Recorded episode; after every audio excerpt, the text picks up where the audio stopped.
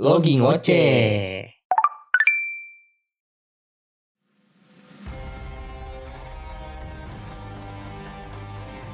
Semangkok bubur ibarat sebuah tim. Mereka tidak bersaing untuk menjadi yang terbaik, tapi bagaimana menjadi terbaik bersama-sama. Bahan bubur punya strata dan fungsinya masing-masing. Itu udah sempurna. Saat diaduk, keindahan dari susunan tersebut hilang. Seni dari bubur itu jadi hilang. Makan bubur itu seninya nggak pakai sendok. Nyendok bubur itu pakai kerupuknya.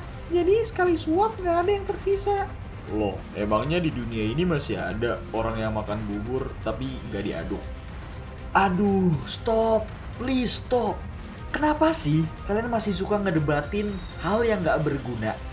Iya, nggak berguna. Masalah makan bubur diaduk atau nggak diaduk, itu masalah preferensi. Jadi nggak ada yang bener dan nggak ada yang salah. Lo kira makan bubur ayam kayak ujian matematika? Yang kalau ada salah perhitungan sedikit jawabannya bakalan berubah? Ya enggak dong.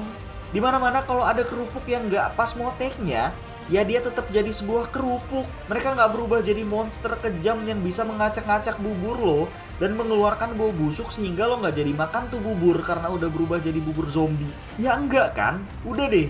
Jangan kebanyakan ngedebatin hal-hal yang nggak berguna. Cukup debat capres aja yang kayak gitu. Kita ini butuh masalah yang lebih serius kali ya. Jadi nggak perlu cari-cari masalah lagi lewat bubur ayam. Ah, udahlah, capek. Bur bubur. Eh John, bubur gue jangan diaduk an.